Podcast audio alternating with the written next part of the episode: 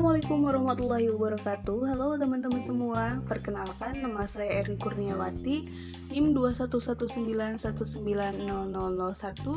Kelas 3A Pendidikan Biologi Universitas Galuh Ciamis pada podcast kali ini, saya mau sharing tentang perbedaan dan penjelasan pendekatan pembelajaran, metode pembelajaran, dan model pembelajaran, dan contoh model pembelajaran beserta sintaknya. Istilah pendekatan berasal dari bahasa Inggris approach yang memiliki beberapa arti di antaranya diartikan dengan pendekatan. Di dalam dunia pengajaran, kata approach lebih tepat diartikan a way of beginning something, cara memulai sesuatu. Karena itu, istilah pendekatan dapat diartikan cara memulai pembelajaran. Dalam pengertian yang lebih luas, pendekatan mengacu pada seperangkat asumsi mengenai cara belajar mengajar. Pendekatan merupakan titik tolak dalam memandang sesuatu, suatu filsafat, atau keyakinan yang tidak selalu mudah membuktikannya. Pendekatan pembelajaran atau teaching approach adalah suatu ancangan atau kebijakan dalam memulai serta melaksanakan pengajaran suatu bidang studi atau mata pelajaran yang memberi arah dan corak kepada metode pengajarannya dan didasarkan pada asumsi yang berkaitan. Contoh pendekatan di antaranya ada pendekatan konsep, induktif, deduktif, dan pendekatan kontekstual. Metode pembelajaran Istilah metode pembelajaran berasal dari kata Yunani yaitu methods, jalan, cara. Karena itu, metode diartikan cara melakukan sesuatu. Dalam dunia pembelajaran, metode diartikan cara untuk mencapai tujuan. Metode bersifat prosedural, artinya menggambarkan prosedur bagaimana mencapai tujuan-tujuan pengajaran. Dengan demikian, dapat disimpulkan bahwa metode pembelajaran adalah cara atau rencana pembelajaran yang mencakup pemilihan, penentuan, dan penyusunan secara sistematis bahan yang akan diajarkan serta kemungkinan pengadaan remedi dan bagaimana pengembangannya. Contoh metode pembelajaran di antaranya ada metode eksperimen, karya wisata, metode ceramah, dan juga metode diskusi. 3. Model pembelajaran Istilah model pembelajaran sering dimaknai sama dengan pendekatan pembelajaran. Bahkan kadang suatu model pembelajaran diberi nama sama dengan nama pendekatan pembelajaran. Sebenarnya, model pembelajaran mempunyai makna yang lebih luas daripada makna pendekatan, strategi, metode, dan teknik. Model pembelajaran dapat didefinisikan sebagai kerangka konseptual yang menggambarkan prosedur sistematik atau teratur dalam pengorganisasian kegiatan atau pengalaman belajar untuk mencapai tujuan belajar atau kompetensi belajar. Dengan kata lain, model pembelajaran adalah rancangan kegiatan belajar agar pelaksanaan KBM dapat berjalan dengan baik, menarik, mudah dipahami, dan sesuai dengan urutan yang logis. Contoh model pembelajaran di antaranya ada model pembelajaran CTL atau Contextual Teaching and Learning, model pembelajaran Problem Solving atau pemecahan masalah, dan juga model pembelajaran Problem Based Learning. Nah, dari penjelasan di atas dapat disimpulkan bahwa perbedaan antara model pembelajaran, pendekatan pembelajaran, dan metode pembelajaran tidak begitu tegas, karena semua istilah itu merupakan satu kesatuan yang saling menunjang untuk terlaksananya proses pembelajaran. Jadi, model pembelajaran adalah pembungkus proses pembelajaran yang di dalamnya ada pendekatan, metode, teknik, dan juga strategi pembelajaran.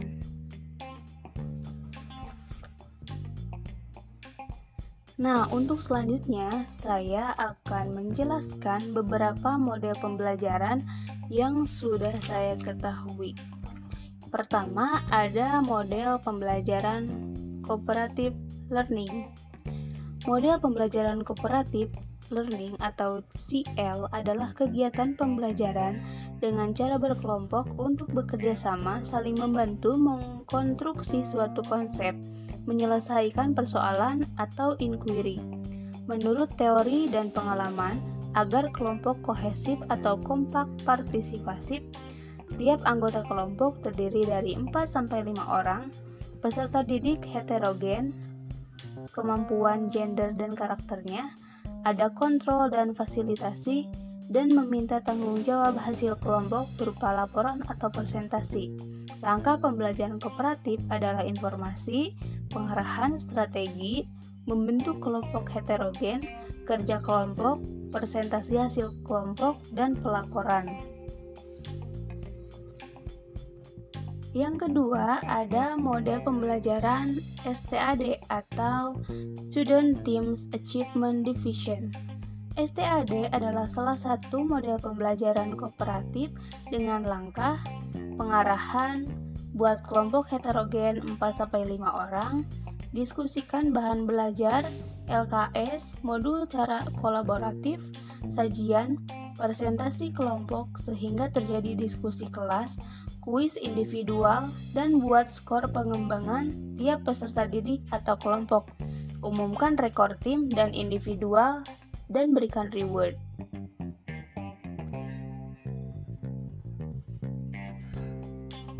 Nah, yang ketiga ada model pembelajaran mind mapping. Mind mapping adalah salah satu dari strategi pembelajaran yang mengupayakan seorang peserta didik mampu menggali ide-ide kreatif dan aktif dalam mengikuti kegiatan pembelajaran, sehingga pembelajaran yang dilakukan akan menjadi lebih hidup, variatif, dan membiasakan peserta didik memecahkan permasalahan dengan cara memaksimalkan daya pikir dan kreativitas. Pembelajaran ini sangat cocok untuk mereview pengetahuan awal peserta didik. Langkahnya adalah informasi kompetensi, sajian permasalahan terbuka, peserta didik berkelompok untuk menanggapi dan membuat berbagai alternatif jawaban, presentasi hasil diskusi kelompok, peserta didik membuat kesimpulan dari hasil setiap kelompok, evaluasi, dan refleksi.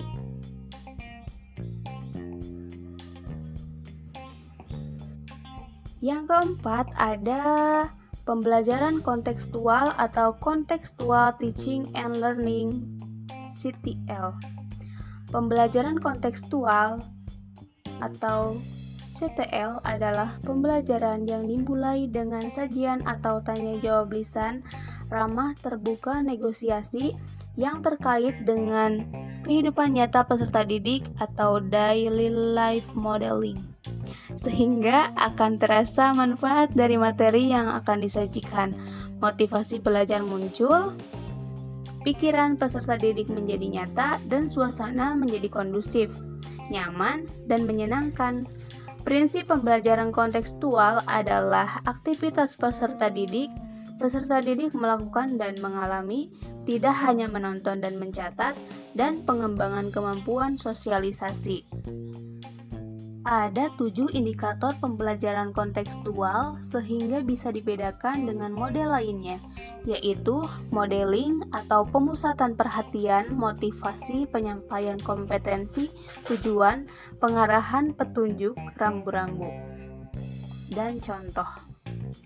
Kemudian, questioning berupa eksplorasi, membimbing, menuntun, mengarahkan, mengembangkan, evaluasi, inquiry, dan generalisasi. Selanjutnya, learning community. Seluruh peserta didik partisipatif dalam belajar kelompok atau individual, minds on, hands on, mencoba dan mengerjakan. Selanjutnya ada inquiry, yaitu mengidentifikasi, investigasi, hipotesis, konjektur, generalisasi, dan menemukan. Selanjutnya, konstruktivisme, yaitu membangun pemahaman sendiri, mengkonstruksi konsep aturan, dan menganalisis sintesis. Yang selanjutnya ada reflection, yaitu review, rangkuman, dan tindak lanjut.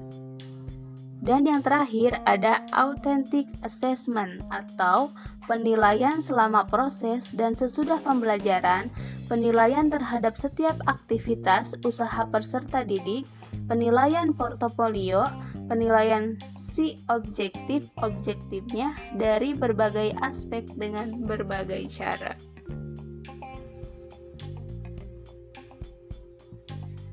Yang kelima ada model pembelajaran urai masalah atau problem posing. Bentuk lain dari problem solving adalah problem posing, yaitu pemecahan masalah dengan melalui elaborasi, yaitu merumuskan kembali masalah yang menjadi bagian-bagian yang lebih rinci sehingga dapat dipahami. Langkahnya adalah pemahaman, jalan keluar, identifikasi kekeliru kekeliruan, meminimalisasi tulisan hitungan, cari alternatif, dan menyusun soal pertanyaan.